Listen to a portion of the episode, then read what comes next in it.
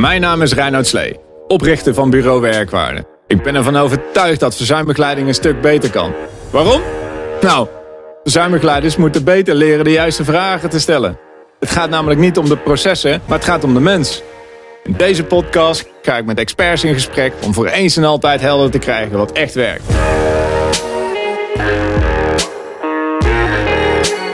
Dit is de Werkwaarde Podcast. Barbara, welkom bij uh, de Werkwaarde Podcast. Um, het is groot voorrecht om jou, uh, om jou hier te hebben, omdat ik enorm nieuwsgierig ben hoe je als uh, werkgever heel veel, veel eisend kan zijn zonder burn-out. Um, zou je mij eens kunnen vertellen, want je hebt, je hebt even kijken, kick-out, de burn-out poly, kick-out burn-out, unlimited people, unlimited academy. Volgens mij vergeet ik er nog een paar. Kan je met mij aanvullen? Kracht naar kanker. Oh ja, die ook nog, ja. Jong en Unlimited voor de millennials. Kan je voor de luisteraar heel even ja, jezelf voorstellen? Zeker. Nou, mijn naam is Barbara Kok. Ik ben inderdaad medeoprichter van uh, de Galaxy Unlimited People. Galaxy. Daaronder, uh, ja, het is eigenlijk een platform, hè, Unlimited People inmiddels. We zijn ooit 15 jaar geleden begonnen om samen te werken vanuit een holistisch gedachtegoed. Laten we het even samenvatten. Een groep mensen, coaches, emotietherapeut, een arts en een osteopaat. En daaruit is 13 jaar geleden Burnout Poly ontstaan. En dat ontstaan betekent dat is een soort fine-tunen organische groei geweest. Naar een 12-weeks programma Burnout Herstel in eerste instantie. En dat betekent dat we samenvoegen het mentale coachingstuk, emotietherapie en osteopathie. Mm -hmm. Tot een programma waar uh, mensen eigenlijk een transformatie doormaken naar de essentie van wie ze werkelijk zijn. We kijken naar onderliggende overtuigingen, we kijken naar vermijdingsstrategieën. En we gaan ze helpen een uh, gereedschapskist voor de komende 40 jaar te creëren. En van alles wat je had kunnen doen, waarom dit? Ja, ja er zit een kleine achtergrond natuurlijk vanuit een klein meisje toen. Ik ben nu 57, dus dat is al een tijd geleden dat ik ging studeren, psychologie, mm. sociale geschiedenis, toch wel cognitief, wetenschappelijk, theoretisch. En er was in mij een gevoel vanuit de interesse in wat mensen nou werkelijk drijft, dat ik meer mee moest nemen daarin. En dat ik uh, toch redelijk beperkt opgeleid was. Dus ik ben me toen gaan verdiepen. Inmiddels als ik kindertherapeut werkte ik in een centrum voor kinderen en ouders. En nou, toen na een jaar of vijf, zes, zeven had ik wel door dat ik niet bij de kinderen moest zijn. Die kinderen meer een product zijn van het systeem thuis. Dus ik ging meer in gesprek met die ouders. En toen kreeg ik dus al die ingestorte ouders in mijn praktijk. Dat is eigenlijk wel een beetje de samenvatting. En toen dacht ik, daar moet ik zijn. Dat heette toen, zo 15 jaar geleden, Burnout in de States en in uh, Groot-Brittannië. Bij ons nog niet. We hadden het vooral over overspannen. Maar het grote verschil, mijn beleving toen, was dat er een emotionele uitputting bij zat, tot en met een fysieke uitputting. En dat is eigenlijk het eindstation dat het lijf het opgeeft en instort. En toen ben ik gaan samenwerken met een paar partijen, omdat we alle drie zagen dat wij alleen, alleen mentaal of alleen emotioneel of alleen fysiek begeleiden niet genoeg was voor mensen die zo emotioneel en fysiek uitgeput waren. En dat is dus burn-out poly geworden. Maar dat is dus inderdaad mijn persoonlijke zoektocht geweest naar die diepere lagen van wat mensen beweegt en waarom ze dus ook vastlopen. Ja, want wat is het eigenlijk, burn-out? Ja, is mooi. Ja, dan kom gelijk terug op Bouke de Boer vorige week. Oh ja. Ja, ja, ja, ja. Ja, ja. want die vroeg jou uh, uh, of uh, burn-out in. dat zo, hoe zei je dat? Symptoom is. Of het een symptoom is. Ja, ja, super interessant. Nou, dat is dus inderdaad mijn zoektocht geweest. Het is een, een mens die vastloopt omdat hij toch verbinding met zichzelf kwijtgeraakt is. Met zijn essentie, met wie hij werkelijk is. En dat zit in mijn beleving zit dat op een dieper niveau. En het hele potentieel van wie je werkelijk bent. En niet in die 10% die we cognitief kunnen begrijpen. Dus wij worden aangedreven, ongeveer 90% door onderbewuste drijfveren. En dat is mijn interesse. En dat zie ik dus gebeuren, dat een heleboel mensen niet doorhebben dat zij uh, vastlopen op die verbinding die zoek geraakt is. Dus de verbinding met jezelf, met je emotionele systeem. Dat is eigenlijk je huishouding. Het is gewoon een biologisch proces, emoties. En dat ze op een gegeven moment zo van zichzelf verwijderd zijn geraakt en misschien zelfs afgesloten. We zien dus heel veel mensen die geen contact meer hebben met hun lijf. En dat is dus echt het begin van vastlopen omvallen. Dus burn-out is een uitingsvorm, is een symptoom dat je weer terug mag naar de essentie van wie je werkelijk bent. En is er dan een verschil tussen uh, overspannenheid, burn-out, vastlopen, uh, emotionele uitputting? Ik hoor in de praktijk, is burn-out ook wel een beetje een soort van... Uh, lijkt ook wel een beetje een containerbegrip te zijn. Zeker. Een beetje een modewoord af en toe. Ja, dat is jammer hè, dat het een modewoord is. Want dan zou je dus inderdaad uh, een soort ontkenning krijgen van dat er iets aan de hand is. Maar ik zie dus dat mensen eerst mentaal vastlopen op die 80.000 gedachten per dag die alsmaar maar voor hetzelfde gaan. Dat is ook zo. 80% van wat je denkt van die 80.000 gedachten is hetzelfde als gisteren. Dus dat is ook al een uitingsvorm van vastlopen. En op een gegeven moment wordt dat, dat is gewoon een puur uh, biologisch proces, wordt dat chronische stress. Hè? Dus mensen kunnen best wat stress aan. Acute stress is geen probleem. Mm -hmm. tijger om de, om de hoek, vechten, vluchten. Ja, ja, ja. En um, als het gevaar geweken is, kan ik weer ontspannen en rusten. Nou, dat is natuurlijk eh, in de Homo sapiens 200.000 jaar geleden, is dat absoluut aan de beurt geweest. tijger om de hoek, ja, vechten, vluchten, tot en met freeze. Hè? En dan loopt hij weg als het een beetje mee zit. En dan ging ik weer naar huis en vertelde ik over wat er gebeurd was. En mijn god, je hebt een sabeltandtijger kunnen weerstaan, een feest in het dorp en we gaan ontspannen. En het lijf heeft door dat hij mag ontspannen. En de komende zes, zeven weken mogen we weer tegen een boom rusten. Daar is ons stresssysteem voor gebouwd. Dan kan je weer herstellen. Mm. Maar in de 21ste eeuw is natuurlijk de stressor niet de sabeltandtijger, maar onze deadlines en onze 24 uur economie en de verwachtingen. En de verwachtingen ten opzichte van mezelf. En bij de millennials de verwachtingen ten opzichte van de peer group. Dus wij hebben een continue stressor. En als daar dus geen ontspanning in de avond of in het weekend plaatsvindt, houden we onszelf continu in die chronische stress. Dus we hebben eerst mentale stress, dat heette vroeger dan ja. Een soort van. Uh, overspannen ook? Overspannen, ja, hè, dat was dan de benaming.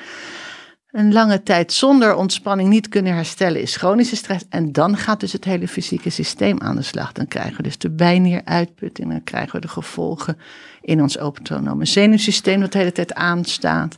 Dan krijgen we te veel cortisol. Dan gaan we een, eigenlijk een, een, een mix van adrenaline en cortisol uh, die gewoon niet meer in balans zijn. Dan krijgen we een, een schrale darmflora, waardoor je immuniteit niet kunt opbouwen. Wat we afgelopen jaar natuurlijk heel veel meegemaakt hebben. Ongelooflijk veel mensen aan de telefoon met buikpijn. Oh, ja? oh ja, die krijgen jullie natuurlijk. Die bellen jullie voor ze bellen, Ze bellen al, al sinds 13 maart uh, bellen ze met veel angst en veel last. Hmm. En dan op een gegeven moment bijvoorbeeld heel belangrijk is dat je geen serotonine kan opbouwen, want dat wordt opgebouwd in die darmflora. Nou, dat zijn allemaal uitingsvormen. En ja, dat bestaat, dat gebeurt. En dat zijn de uitingsvormen van burn-out. Maar jij en ik, even helikopterend naar het geheel. Het gaat natuurlijk gewoon over een mens die om wat voor reden dan ook contact verliest met zichzelf en uit balans raakt. Ja. Ik, ik zie het, hè, want eh, vanuit mijn rol als, als, als case manager verzuimeltje arbeidskundige, dan um, zie ik ook die mensen dan aan nou ja, mijn bureau komen. En vaak is een van mijn eerste intuïties die me opkomt, is dat mensen dan bij een organisatie hebben gesolliciteerd. Met een bepaald verwachtingspatroon dat ze iets daar kunnen halen. Of iets, iets kunnen, bijvoorbeeld persoonlijke ontwikkeling of, of de waardering die ze zoeken. Of dat ze iets willen leren of ergens aan willen bijdragen. En dat de mensen die aan mijn bureau komen bijna, bijna in alle gevallen, een soort illusiearmen zijn geworden. Is dat ze waar ze voor kwamen, dat ze dat op een of andere manier niet hebben gevonden of niet hebben kunnen doen. Het idee hebt dat een organisatie ze daar in de weg zit of zo. Ja, of hun persoonlijke verwachting. Ja, ja, ja. Ja, ja we hadden het net... We komen vol verwachting van de hbo, van uh, wetenschappelijk onderwijs. En nu ga ik het meemaken, die maatschappij. Ik ga mezelf ontwikkelen. Dat zien we natuurlijk heel veel met de millennials, die heel graag snel willen. En dan teleurgesteld raken dat het niet zo snel gaat. Wij vroeger, wij begonnen een soort onderaan de ladder en het duurde best wel een tijdje voordat je dan in een carrièreontwikkeling kwam. Dus dat stuk zie ik. Maar we hebben natuurlijk wel te dealen met deze mensen. Deze mensen gaan natuurlijk over tien jaar wel de CEO's van de BV Nederland zijn. Dus we moeten ook onze hele BV daar natuurlijk ook op gaan inrichten. Zij willen persoonlijke ontwikkeling. Ja. Mijn idee is dat daar de basis is van tevredenheid, betrokkenheid, maar ook prestatie. mensen die meer betrokken zijn, is natuurlijk nu al een heleboel onderzoeken aangetoond, die presteren ook beter. Van 22% tot meer. Ja, dus die zijn ook meer tevreden, hebben joy op de werkvloer. Ja. Dus het, het start toch bij persoonlijke professionele ontwikkeling. Je moet ook iets hebben met, met die missie van die organisatie, toch? Zeker. En die organisatie moet ook zijn missie uitvoeren. Ja. ja. Hè, dat is natuurlijk waar wij vandaan komen. Ehm, we hebben trainers in huis. We hebben de hoofdtrainer, de, de hoofdtrainer van Unlimited Academy. Die gaat mee naar organisatie. En de eerste vraag is: wat is je missie? Wat is je visie? En strookt dat nog wel met wat je doet? Of strookt het überhaupt met wat je doet? Wat wil je? Wat wil je als organisatie? Hm. Wat wil je als organisatie? voor je mensen? Wat wil je neerzetten? Daar, als je dat doortrekt, dan heb je als werkgever, zeker met de wetenschap eigenlijk, op het moment dat je dus, als je mensen op een of andere manier niet mee kan nemen in je missie, nou, dus dat ze burn-out kunnen, kunnen raken of overspannen of geef het een naam. Dus dat legt een bepaalde verantwoordelijkheid voor je bij die werkgever weg om ook de juiste mensen binnen te halen. Zeker. En ook, ook eigenlijk aan de voorkant je ook goed te profileren. Zeker. Heb je daar nog tips in voor werkgevers? Hoe kan je dat nou het beste doen? Ja, er zijn natuurlijk ongelooflijk veel mooie tools voor vandaag de dag. Wij zijn natuurlijk heel erg geïnteresseerd in de assessments en aan de voorkant heel goed met elkaar de verbinding te leggen op wat je verwacht en wat het talent wat voor je zit uh, zelf ook verwacht.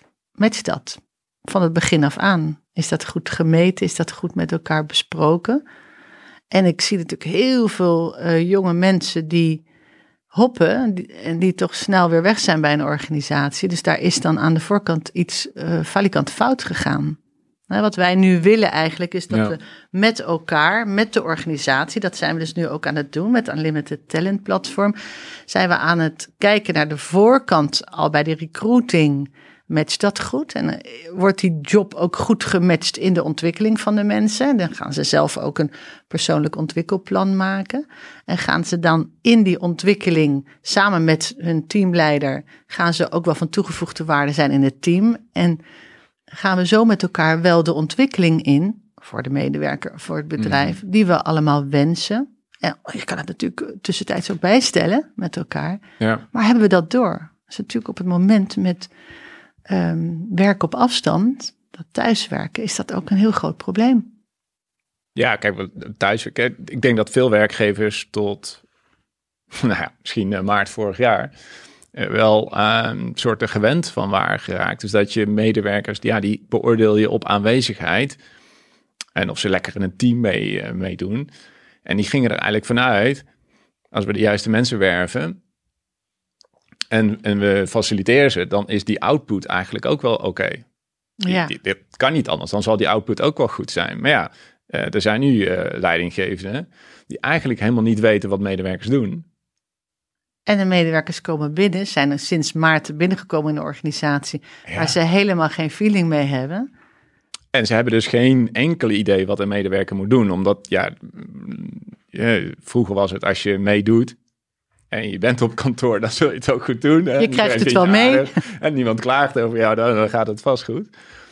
Dus ik zie daar leidinggevenden ook wel mee worstelen. Van, ja, van hoe doe ik dat nu? Hoe geef ik leiding op afstand? Enorm. En ze bedoelen het natuurlijk allemaal heel erg goed. Daar ga ik vanuit. Dat de intentie van iedereen is om dat goed te doen. Maar het systeem is nog steeds redelijk old school. En we moeten natuurlijk echt met elkaar gaan helikopteren en naar een transitie toe. Naar een nieuwe beleving, dat we het samen gaan doen. Ja, en niet alle bedrijven. tijd, ja, ik. en niet alle bedrijven zijn daarvoor ingericht. Ja, dat is wel een mooi bruggetje. Want ik vind, ehm, nou ja, dat is ook de reden waarom ik deze podcastserie ben begonnen. Ik vind eigenlijk Arbo en Verzuim echt enorm ouderwets. Ik ook. Dat is mijn vraag ook straks naar jouw volgende spreker. Oké, ja. Maar dat is goed, ja. Ja, verzuim is eigenlijk natuurlijk het eerste wat meetbaar is. Hè? Dat iemand zich ziek meldt. Dat is het begin van, van kunnen meten. Maar dat hele stuk daarvoor dan. De hele preventie daarvoor. En de belevingswereld van mijn medewerkers daarvoor. Gaan we dat allemaal doen vanuit de PMO? Of gaan we daar met elkaar een volwassen vorm in vinden? Een modernere vorm in vinden? Ja, nu hoor ik je zeggen preventie. Ja, ik ben helemaal voor preventie. En ook in duurzame inzetbaarheid. Dat zijn altijd een soort van gevleugelde begrippen. Hè? En als je echt gaat doorvragen, dan weten de meeste mensen weten echt geen idee. Weten, weten niet wat daarmee bedoeld wordt. Op het moment dat preventie eigenlijk het voorkomen van verzuim is, of dreigend verzuim, ja, dat is ja, niet echt preventie in mijn idee. Dat is gewoon verzuim voorkomen. En dat is enorm instrumenteel. Enorm. Het gaat over well-being. Het gaat in mijn beleving over het welzijn van je medewerker. Mentaal, emotioneel en fysiek. En dat start bij het begin. En het start bij de verwachting. En dat start bij je visie en je missie. Ja. Dat je daar mensen bij zoekt die dat dragen, die dat uit willen dragen. En dan gaat het mis en dan wordt zo'n medewerker ziek. En weet je wat me dan het meest verbaast? Is dat mensen dan eh, in zo'n mooi traject gaan, misschien, eh, misschien wel bij jullie. En dan komen ze na een paar maanden komen ze weer terug, gelouterd. Zij wel. Zij wel. Ja, niet altijd is het team gelouterd. maar goed, zij gaan terug. En eh, nou, wat ik wel zie hoor, is dat, als, dat, dat één iemand in een team ook een complete dynamiek kan veranderen. Zeker. Eh, Een olievlek kan neerzetten. dus die komt terug in dat team. En dan eh, vindt die volledige herstelmelding plaats. En dan is iedereen eigenlijk blij. En die medewerker wordt eigenlijk losgelaten binnen een organisatie. En dat verbaast me enorm. Ja. Dus misschien wel een van de meest, nou ja, een van mijn grootste stokpaardjes. Om ik leer nou eens een keer wat van het verzuim. Ja. Je hebt iemand, je hebt een missie, je hebt iemand op geworven. Op een of andere manier ergens gaat het mis. Je hebt het gerepareerd, maar je weet niet wat. Zeker. En ehm, daarom is het ook ongelooflijk belangrijk dat als iemand terugkomt in een organisatie, dat hij eerst even een project krijgt. Dat hij niet gelijk weer in zijn eigen functie en rol wordt geduwd. Maar dat ook de omgeving daaromheen op een andere manier omgaat met verzuim, met werkdruk. Want anders kom je toch weer in die verkokende organisatie, soms zelfs verzuurde organisatie terug. En dan. Dus we zien dus ook dat heel veel mensen dan uiteindelijk, want we volgen ze dan nog een jaar later, toch vertrokken zijn. Omdat zij vanuit een transformatie, een vrijere vorm, niet meer passen in dat systeem. Dat is toch eeuwig zonde? Het, het, is een, ehm, het is een soort van dans. Althans, zo zie ik het altijd. Waarbij hè, je stapt op elkaar stenen en het werkt al wel niet. En een van die twee danspartners, die wordt aside genomen. En die krijgt les en training. En dat wordt echt een supergoeie danser. En die wordt dan teruggezet met die andere. En het En past dan, niet meer. nou ja, ja, ik denk als je echt heel goed wil kunnen dansen, is dat je alle twee werk hebt. Absoluut. Ehm, Het is heel belangrijk dat vooral de leidinggevende natuurlijk meekrijgt eh, wat voor een ontwikkeling daar plaatsgevonden heeft. En dat we die ook kunnen trainen. Dat noemen wij op dat moment leidinggeven onder uitdagende omstandigheden. Maar eigenlijk is het natuurlijk de wens van ons allemaal, daarom werken wij samen, jij en ik ook, en een heleboel andere mensen, om die hele BV Nederland mee te krijgen naar een nieuwe vorm van samenwerken. En hoe ziet er dat dan uit in een ideaal beeld? Hoe zie, hoe zie jij? Ja, ik, ik zie het vaak als een soort van keten. Het is, we hebben allemaal een soort van rol. Uh, vaak zie ik een soort drie-eenheid. Hè. Er is zelfzorg, dus medewerker, noem het persoonlijke ontwikkeling, zelfzorg, behandeling, medisch, het, dat. Uh, zorgtaken, dus zorgen voor je gezin, je privé, dat soort dingen. En dan heb je werk. Ja, en dan op het moment dat dat niet meer werkt, heb je arbeidsongeschiktheid. Ja, dan zitten we aan de onderlaag, maar hou about het leiderschap. Ja. Hoe, hoe, zou die keten er nou in een nieuwe wereld er anders uit kunnen zien dan nu? Nou ja, er is een transitie nodig. Momenteel zien wij dat we vooral het management mogen begeleiden naar anders omgaan, groeien naar een samenwerking met medewerkers. Mhm. Maar idealiter kijken we natuurlijk naar wat er top-down mogelijk is. Dat de leiders van vandaag volgers krijgen. En dat het niet alleen maar leiders zijn, maar dat hun leiderschap dusdanig leiderschap wordt dat hele andere um, bewegingen plaats gaan vinden in het hele bedrijf. Vanuit kwetsbaarheid kijken naar samenwerking, kijken naar betrokkenheid, hmm. bevlogenheid, motiveren.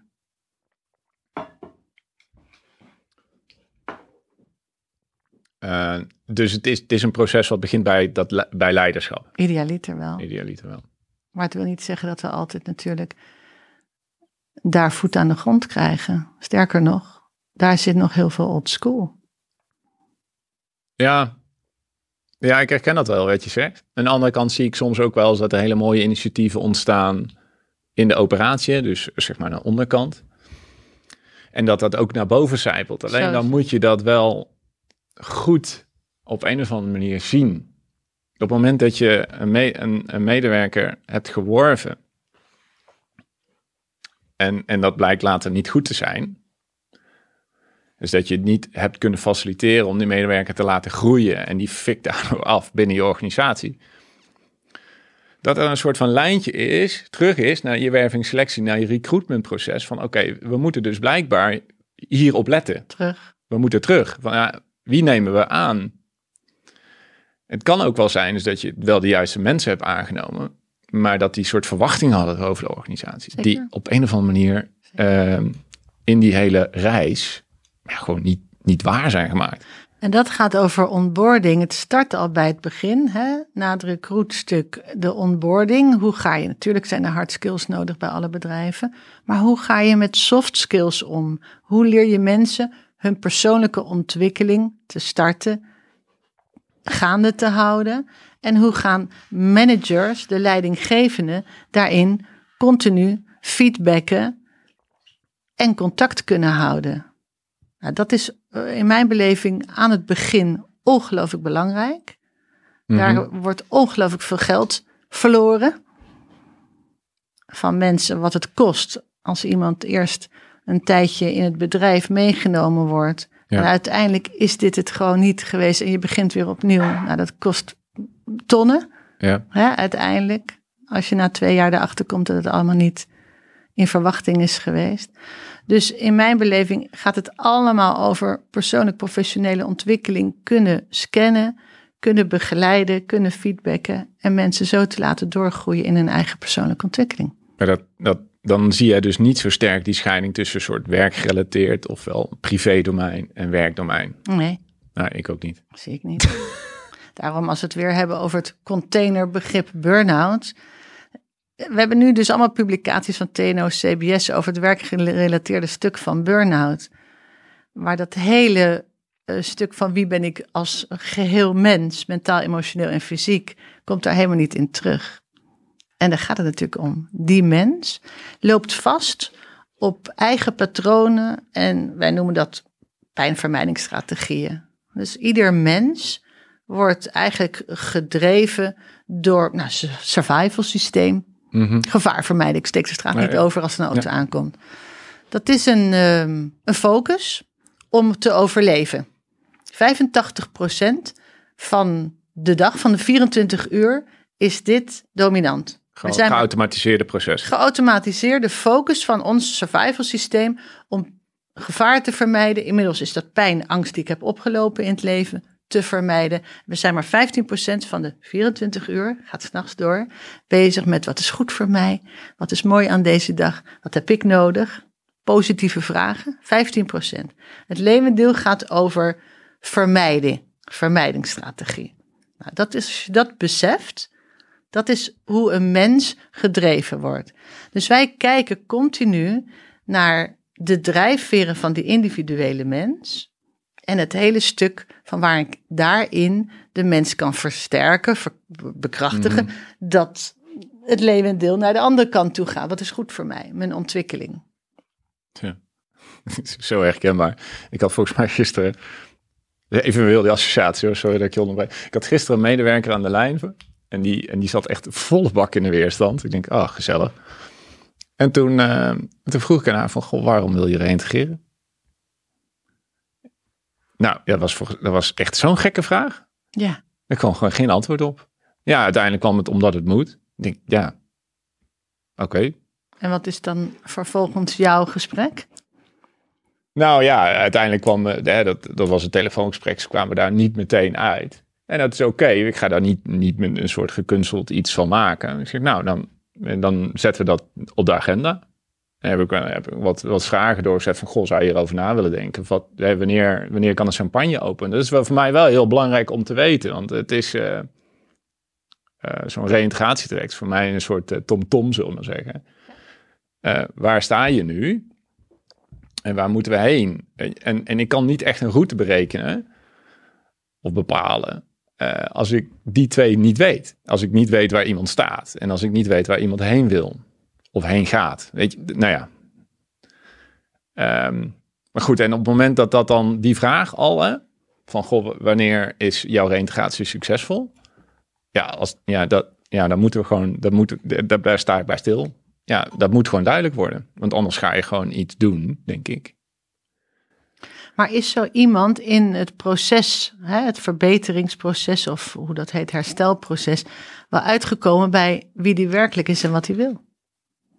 Heeft zo iemand kennis over zijn eigen systeem? Nou, eerlijk Barbara, ik denk dat de meeste reïntegratietrajecten die afgerond worden met een volledige herstelmelding, is dat mensen dan gewoon zijn uitgerust. Op het moment dat je, in, dat je op in je werkplek, er zit iemand heel tijd op je knoppen te duwen. Die zit elke keer op het stukje wat bij jou super gevoelig is, wat je eigenlijk niet echt lekker hebt verwerkt.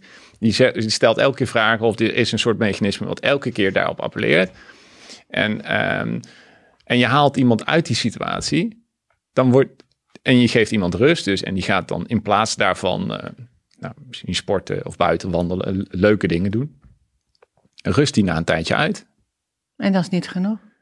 Nou ja, die rugzak, dus de reden waarom die daar super gevoelig over was, dat is natuurlijk niet veranderd. Dus die medewerker die gaat terug en als die, en als die werksituatie, die arbeidsomstandigheden dan weer gaan prikken, ja, dan zie ik hem na een paar maanden weer terug. En die gaan per definitie prikken, want dat is dus wat buiten je ligt. En wat wij natuurlijk wensen is dat mensen gaan kijken, wat is er van mij? Want alles wat hier gebeurt is van mij. Het is natuurlijk allemaal projectie. Ik ben vastgelopen en dan heel veel mensen zeggen ja, door een arbeidsconflict Ja. of een relatie met mijn leidinggevende. Nee, die leidinggevende heeft iets in jou aangeraakt, in jou, wat waarschijnlijk jouw grote pijnvermijdingssysteem, je persoonlijke pijnvermijdingssysteem heeft aangeraakt. En daar valt naar te kijken. Daar kan je weerstand en veerkracht gaan opbouwen. Vanuit die veerkracht kan jij weer door. Maar als je niet naar binnen gaat op zoek naar waarom jij persoonlijk vastgelopen bent, wat jouw patronen en jouw vermijdingsstrategie daarin Ja. zijn, jouw drijfveren, als je daar dus geen kennis van krijgt, dan val je na een jaar weer om als dezelfde leidinggevende blijft of dezelfde omstandigheden.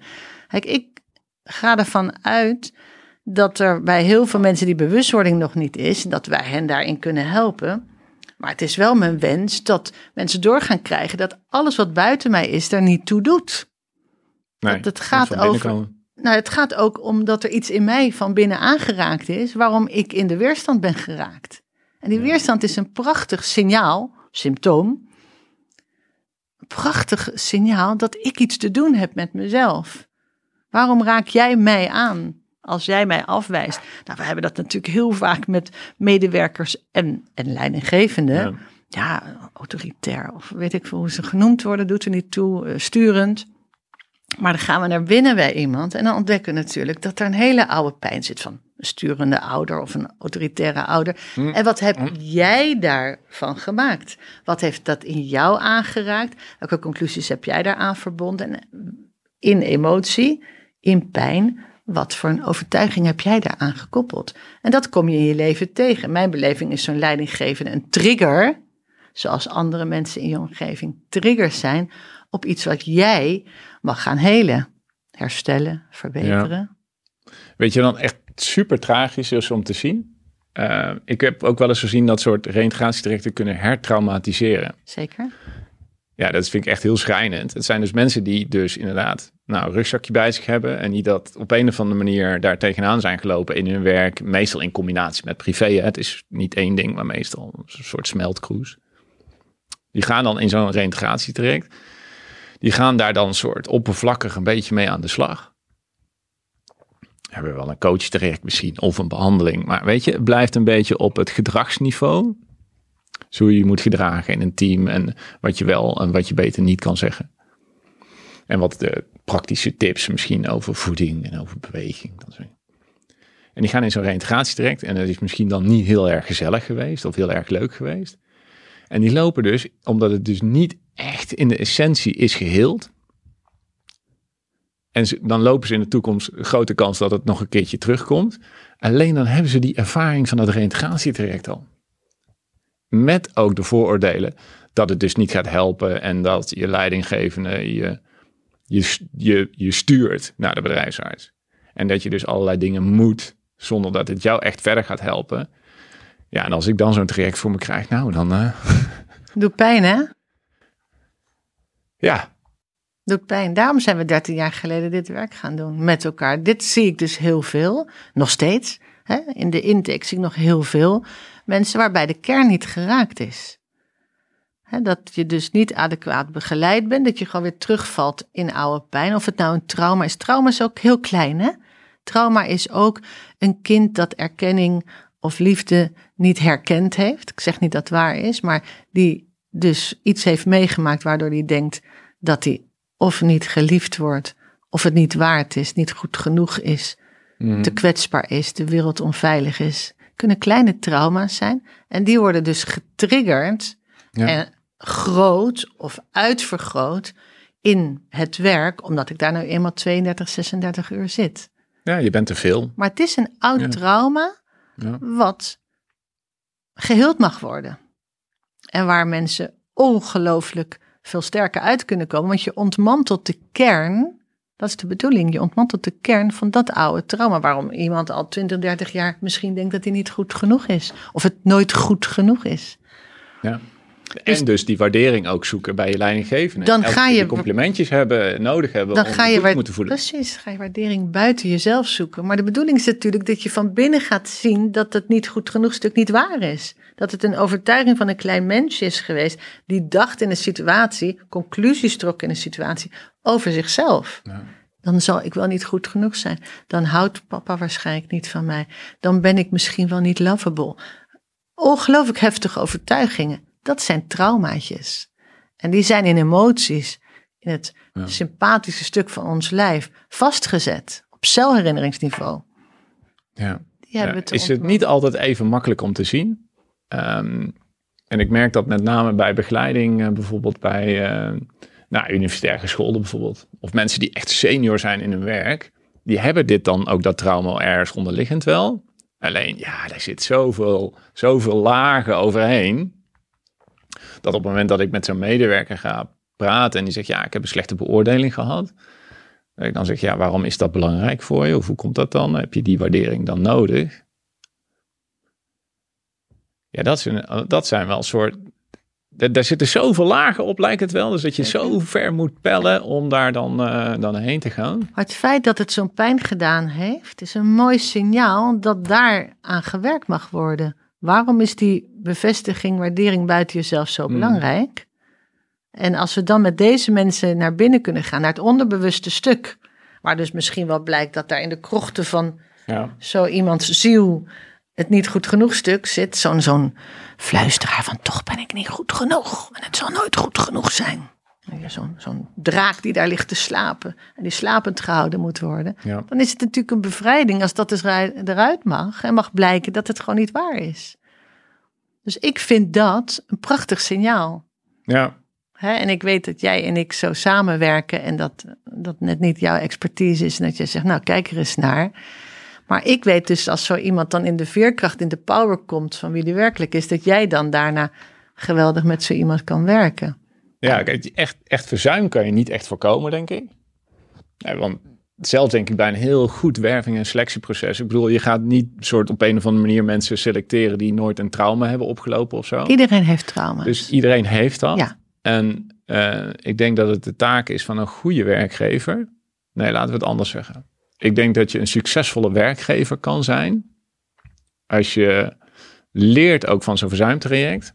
Niet alleen organisatorisch, maar dat die medewerker dat ook leert. Want die zal in de toekomst ook nog een keertje shit gaan krijgen. Ja, misschien ouders overlijden, scheiding, eh, zieke kinderen, corona of iets anders. En de gevolgen daarvan. Zeker. Dus, dus die veerkracht is dat je hoe je eh, daarmee om kan gaan. Dat is heel belangrijk om dat ook dagelijks soort aan te blijven bikkelen. Ja, en de, de werkgever heeft natuurlijk een taak om daar een ruimte voor te bieden en veiligheid. Dus dat, wie is dan die werkgever, de leidinggevende in eerste instantie? Als die een veilige omgeving weet te creëren, waarin dit mogelijk is, oftewel een voorbeeldfunctie is natuurlijk dat de manager zich ook kwetsbaar daarin kan opstellen. Ja, dan, hebben we, dan heb je, bij wijze van spreken, heb je meteen al een betrokken team. Dat is de nieuwe wereld. Hè? Dat is de nieuwe wereld. Dus dat we het niet meer een soort gaan hebben over een soort strikte scheiding over een soort medisch domein en het werkgeversdomein. En dat, dat we niet meer een soort hele harde schutting hebben van dit is privé, rela- privé en dit is werk. En weet je, wat je thuis doet, dat moet je vooral niet naar je werk meenemen en Het- andersom. je, bent, je bent alles. Je bent een mentaal, emotioneel, fysiek wezen dat werkt en thuis. Nou, nu vandaag de dag helemaal is het helemaal moeilijk voor mensen. Als ze denken dat ze dat moeten scheiden, zie je dus gewoon grote problemen in thuiswerken ontstaan. Omdat werk en thuis nu een soort versmelt en niemand die flow weet te vinden bij zichzelf. En toch Ja. steeds harder gaat werken om het goed te doen, om niet goed genoeg te vermijden. Het gaat allemaal hierover. Het gaat allemaal over je eigen patronen, je eigen vermijdingsstrategie als mens, Ja. die ook een professional is. Ik heb me- mezelf volgens mij nou, was het een jaar of zo, twee jaar geleden aangeleerd. Maar elke keer als ik, eh, als ik soort boos word of geïrriteerd word, omdat ik dan bij mezelf denk, Oeh. oh, ben ik bang dat het waar is? of, of is het misschien gewoon waar? Gewoon de vraag, wat is hier? Wat Ja. gebeurt hier? De vraag aan jezelf, wat Ja. gebeurt hier? Wat is hier? En onder boos zit altijd iets anders. Boos is vaak een laag om af te schermen of te kunnen projecteren, Mm, om een bepaalde pijn niet te hoeven voelen. ja, pijn of, of, of ja, boos, verdrietig, zie ik ook al vaak. Boos zie ik iets meer vaker bij mannen. Ik weet niet of... Voor Ja, mannen, ja. voor veel mannen is boos de laag om onderliggend, nou ik ben er haast van overtuigd dat het altijd verdriet of angst is, niet te hoeven voelen. Hmm. En bij vrouwen zie je natuurlijk heel vaak een ander soort reactie. Een naar binnen gericht of een angstige reactie. En bij mannen zie je toch vaker boos als misschien in hun beleving een meer geaccepteerde vorm om te Ja, kunnen het is ook reageren. wat dat betreft een vermijdingsstrategie. Het is een vermijdingsstrategie. Want dan heb ik een medewerker en die zit tegenover me en die zegt: Ja, ik vind dat niet fijn. Ja, weet je, dat is inderdaad een manier om nooit naar die pijn te hoeven te gaan. Zo is het. Maar stel dat je dat nou eens wel doet. Gewoon rustig. Empathisch voor jezelf. Dat heet compassie. Ja, dat is voor heel veel mensen is dat gewoon de weg naar ontspanning. Naar een balans te vinden. Gewoon toe te kunnen laten wat er dan onder die boosheid zit. Zo interessant. Zo belangrijk. Gaaf. Hoe doen jullie dat zelf binnen jullie eigen organisatie? Want jullie zijn uh, ook werkgever, toch? Ja, Niet ja. alleen uh, behandelaars en uh, trainers en coaches. Zeker, zeker. Nou ja, we hebben natuurlijk inmiddels een organisatie waar we dus ook heel veel coaches opgeleid hebben. Dus we hebben een, een groep van 21 man om ons heen in de vier vestigingen. En wij doen ook processen met elkaar. Als ik op een bepaalde tijd vind dat ik al een paar weken te veel boos of misschien wel verdriet ervaar en er gewoon niet mm-hmm. zelf uitkom, dan vraag ik ook aan een van mijn collega's: wil je eens even met mij een proces doen? Want dit houdt mij tegen om gewoon vrij en open met me überhaupt te verhouden tot een ander. En hebben jullie dan ook een armoedienst? Ja, natuurlijk. Ja. Nee, dat is wettelijk verplicht. Dat kan niet. Ja. Maar, maar, die hebben we niet nodig hoor. Hoe, hoe, ga je, hoe werken jullie daar dan mee samen? Want dat, dat, daar heb jij een hele andere visie op. En uh, die arbeidsdienst misschien een beetje nou, wat, ik heb het, oude Ik heb het inderdaad een keer meegemaakt dat wij onszelf hebben ingehuurd om iemand die uh, omgevallen was of die vastgelopen was te begeleiden. En die was natuurlijk ook best wel snel weer terug op de werkvloer. Jullie, ja. Een van jullie medewerkers ja. was ziek. Die ja. ging naar de bedrijfsarts en die heeft jullie zelf geadviseerd. Ja, en die bedrijfsarts zei, nou dat weet, je zelf, dat weet je zelf beter hoe je dat moet doen. Ah, en dat is verhaal. natuurlijk ook zo, want wij hoeven niet naar uh, een psychologisch uh, systeem van één keer in de twee weken 50 minuutjes praten. Dat is ook niet de, de, de weg om iemand die echt vastgelopen is te helpen. Er is stressfysiologie. Nou, we leggen ze op de bank bij de osteopaat. Wij gaan zelf ook heel veel naar onze mm. osteopaten. Mijn kinderen gaan naar de osteopaat, mijn ouders. Weet je, wij, ja. wij, wij geloven daar al twintig jaar in dat dat lijf gewoon onderhouden moet worden. En die osteopaat brengt je weer soort van terug bij je fabrieksinstelling. Nou, en zo was het ook bij deze personen. Was ook wel ongelooflijk veel problematiek thuis en van alles. Nou, en die hebben dus inderdaad een programma. Die wilden een programma bij Burnout Poly. Nou, dat is fantastisch, natuurlijk geweldig. En ja bij, on, ja, bij ons lopen natuurlijk ook die. We hebben één keer in de zes weken contact met elkaar. We hebben iedere week vergadering met elkaar. Dus ja, als het even niet goed met je gaat, nou dan zoek je even hulp bij een collega. Fantastisch. Hmm. Maar wel naar die diepe laag van wat gebeurt er dan? Wat, wat raakt hier in jou? En voor uh, werkgevers die nu uh, soort geïnteresseerd zijn in jouw verhaal, kan je iets, iets soort pragmatisch iets vertellen over de trajecten, hoe dat er dan uitziet en uh, waar ze jullie kunnen vinden? Ja. Nou ja, burnoutpoly.com, dat is natuurlijk de dochter waar we heel veel preventie en herstelwerk mee doen. Uh, Unlimited People, de moeder, unlimitedpeople.nl.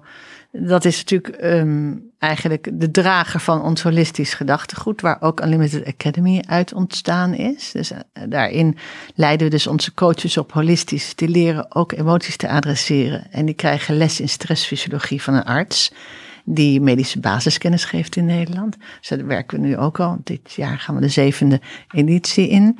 Nou, dus wij zijn 13 jaar geleden dat programma gaan fine-tunen voor herstel. En dat heet nu een 12-weeks programma, waar de coach de supervisor is van het programma. Die start en die eindigt het programma. En die start week 1 met een sessie van 2,5 uur. En dan gaan we kijken naar wat gebeurt er nou heel specifiek bij jou. Waarom ben jij vastgelopen? Jouw menstype, mm -hmm, ja. jouw persoonlijkheid, jij. Waarom ben jij vastgelopen? Wat zijn die patronen? Wat herken je daar? En dan gaan we met ze de diepte in om te kijken ook naar hun persoonlijke vermijdingsstrategie.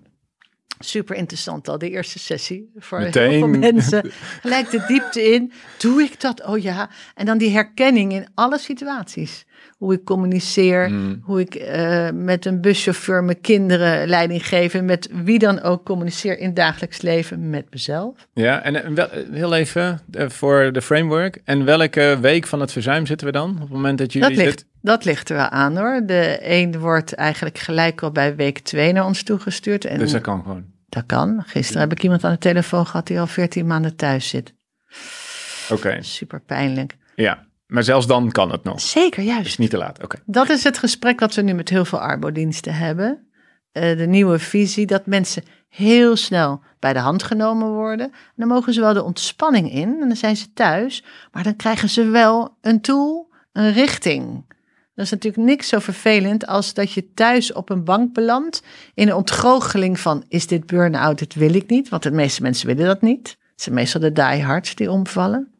Ja, de mietjes die komen niet in een burn-out. Die, die heb je wel een beetje doorzettingsvermogen Die gaan nodig. vier keer per jaar lekker op vakantie. Nee, dat is heel wat anders. Het gaat over de diehards die door zijn gegaan omdat ze het zo graag goed wilden doen en dat inmiddels niet meer kunnen doen. Ja. En dan nemen ze bij de hand. En dan is voor heel veel mensen één, dat inzicht in wat er met hen aan de hand is, is al heel rustgevend. Ik ben niet gek. De hele wereld kan dit meemaken. Sterker nog, op het moment maken natuurlijk heel veel mensen dit Ja, mee. Ik denk 1,4 dat iemand, ja. iemand kent, iedereen 1,4 kent er iemand miljoen. Nederlanders benoemen nu burn-out gerelateerde klachten. De laatste cijfers. van 1,4? 1,4. 17% van de workforce is 8,3 miljoen Nederlanders. Benoemt momenteel burn-out gerelateerde klachten. Dat zijn dus de cijfers van TNO-CBS nu. En dan daarbij eh, zien we dus dat die mensen die echt burn-out vallen, gemiddeld negen maanden thuis zijn. Nou, dat, dat kan beter. Dat is Want jullie hebben een traject van 12, 12 weken. In? 12 weken willen we weer terug naar de werkvloer. Ja. Dat is een therapeutisch kopje koffie tot en met opbouwen van. Mm. Maar we willen dat je dan weer in contact bent met de werkvloer. In ieder geval. Dus sommige mensen al eerder. Maar wij vinden 12 weken gezond. Ja. Dus welke fase dan ook mensen binnenkomen. Als iemand net helemaal ehm, ontkennend binnenkomt, is dat natuurlijk wat anders dan als iemand al Ja, nou, maar- negen maanden thuis zit. Precies, maar heel even voor de referentie. Een 12 weken, dat is korter dan de gemiddelde wachtlijst binnen de reguliere gezondheidszorg. Dat is natuurlijk ook vreselijk pijnlijk. Bij ons zijn mensen binnen drie dagen in een intake. Zo hebben we het bedrijf ingericht 13 jaar geleden. Dat was een must in, in onze beleving. En binnen vijf dagen gestart hun programma. Dat is de must. En binnen vijf dagen moet je een programma krijgen om dag één binnen te stappen bij de coach. Week twee ga je naar de emotietherapeut. En dan ga je dus kijken naar wat je die eerste week allemaal ervaren hebt in wat ik doe en wat ik vermijd. Dat is ongelooflijk. En dan gaan we naar binnen kijkend naar hoe dus die overtuigingen eruit zien. Misschien heb je daar helemaal geen idee van dat je je leven lang al kwetsbaarheid aan het vermijden bent. En daardoor continu ruwe bolster, blanke pit speelt. Misschien heb je helemaal niet door dat je eigenlijk al je hele leven op zoek bent naar die liefde, die onvoorwaardelijke liefde die je denkt nooit gekregen te hebben. Hè? Dat het kleine kind de overtuiging heeft dat hij dat nooit waard is geweest. En dus is het heel interessant om te zien dat dat dus je drijfveer is geweest. Continu naar buiten te gaan om die liefde te krijgen. En dat heet tegenwoordig dan erkenning of bevestiging bij mijn werkgever. Nou, als je daar dus de, de saboteur kan ontmantelen, daar de kern van kan Mm, wegnemen. ja. Man, het is een bevrijding. En, ehm, En dan- heb je nog een tip voor leidinggevenden, zeg maar, hoe die een medewerker kunnen herkennen, waar jij ontzettend veel voor zou kunnen betekenen? Ja, ga- ervan uit dat de medewerker zelf niet meteen herkent dat hij burn-out is. Het is meestal de omgeving. Dus de omgeving herkent dat iemand zich terugtrekt. Mhm, Terugtrekken? Heel duidelijk. Dat er gesprekken zijn dat mensen tegen dingen op gaan zien. Dat mensen heel erg gaan focussen op details. Wat ik heel veel terug hoor. Dus het is een terugtrekkende beweging van het systeem dat overal tegenop ziet, maar ook een heel sterk gevoel heeft dat hij niet goed genoeg is of dat hij in ieder geval niet capabel genoeg is. Mm, En dat is natuurlijk een kwestie van vragen stellen ja, over iemands well-being. Het gaat niet zomaar over je professionele uitingsvormen, maar het gaat over je well-being. En dat is natuurlijk nu ons signaal naar de leidinggevenden die op afstand aan het werken zijn. Om toch die vitamine A, die aandacht te besteden. En wel iedere maandag te starten met dat kopje koffie. Digitaal. Ja, nou ja. En wel die Ja. vragen te stellen, hoe was je weekend? En niet gelijk bezig te zijn met de output, maar gewoon te verhouden tot de mens. Je te verbinden met je medewerker. Dat is natuurlijk gewoon een proces. ja. Oké, ken je medewerkers? Dat Ken- is het. Ken, ken- je medewerkers. Ken de mens. Ken de mens. Ja, niet Achter de de medewerker. medewerker. Ken de, ken de mens. En dat vinden mensen zo fijn. Dat is natuurlijk wat ik continu terughoor. Ik word heel veel gebeld door mensen die het heel eng vinden om nu zich ziek te melden. Dus ze bellen ons. En dan zeggen ze, ja, ik zit toch al thuis. Dus ziekmelding heeft geen meerwaarde. En als ik me ziek meld, ja, dan ben ik de eerste die eruit vliegt straks met al die coronamaatregelen. Nou, dat betekent dus dat ze zich onveilig voelen. Dus het, het gaat erom natuurlijk dat een leidinggevende je een ruimte geeft, of de ruimte heeft geschapen dat er veiligheid is. Ja. En het zal. Als je niet veilig voelt, durf je dus niet ziek te melden. Dat is dus wat er nu heel veel gebeurt. Wat ik ook van collega's continu hoor. Ze melden zich ziek. Dus ik zeg ook tegen mensen, als je je niet ziek meldt, kan ik op het moment niets voor je doen.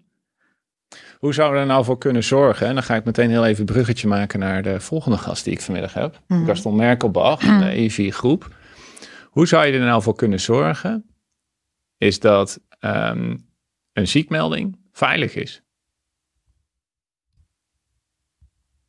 Ja, goede vraag voor Gaston. Want zij zitten waarschijnlijk natuurlijk in dat stuk ehm, protocoliseren of niet continu te zoeken naar die weg, daar ga ik vanuit.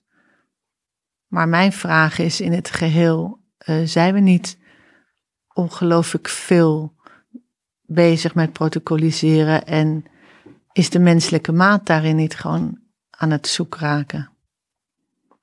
Hè, verzuim, preventie, verzuim en reïntegratie is ehm, een businessmodel geworden. Ja. En daar, Ja. daar moeten we uitgroeien. Dat is waarom wij ook 13 jaar geleden zijn gaan samenwerken. Omdat we daaruit wilden groeien.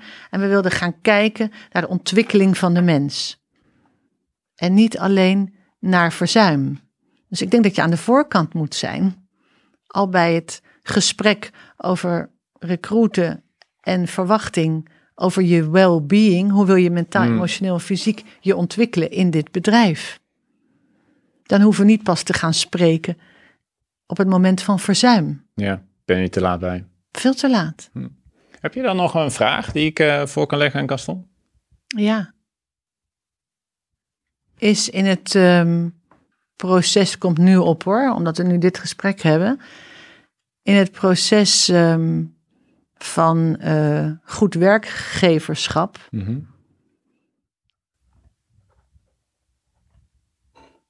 Vergeten we de menselijke maat. Proces. Hoe ziet hij dat? Vergeten we niet de menselijke maat. Ik geloof dus eh, veel meer in wat ik nu ervaar afgelopen jaren als ik in een SMT of een samengesprek met en Arbo en HR mag kijken naar de mensen. Dan, hebben, dan schakelen we gewoon meteen. We schakelen in, in een, een uurtijd op de ontwikkeling van een mens, op de well-being van een mens. Een onderdeel van een team, Hmm. onderdeel van een organisatie. En protocollen ehm, doorsnijden dat. Dus ja, dat is natuurlijk een hele interessante voor Evi, Ja, voor het bedrijf. doet me een beetje denken aan mijn jingle die ik heb eh, bij de, voor deze podcast. Vertel eens, welke slogan bedoel je? Nou ja, ik, ik start elke podcast met het gaat niet om de processen, maar het gaat om de mensen. Ja. Dat is mijn jingle. ja, als dat de toekomst kan worden. En dat past ook zoveel meer bij ehm, de ontwikkeling van de millennial, die straks natuurlijk de CEO's van de BV Nederland worden. Dus in mijn beleving eh, gaan we daar naar kijken. En dan ontwikkelen we ons naar die nieuwe energie, maar wel met elkaar. Samenwerken dus. Ja, ja, zo belangrijk. Samenwerken in verzuim en reintegratie. Zo belangrijk. Hartstikke mooi. Ja. Dankjewel Barbara voor deze enorm inspirerende podcast. Echt tof om eh, met jou een gesprek eh, hierover te hebben. Vind ik ook. En we gaan door in gesprek. En we gaan door. Hartstikke fijn, dankjewel. Bedankt voor het luisteren naar de podcast. Wil je meer weten over een effectieve verzuimaanpak? Download dan mijn e-book over de 7 oorzaken van te hoog verzuim op werkwaarde.nl.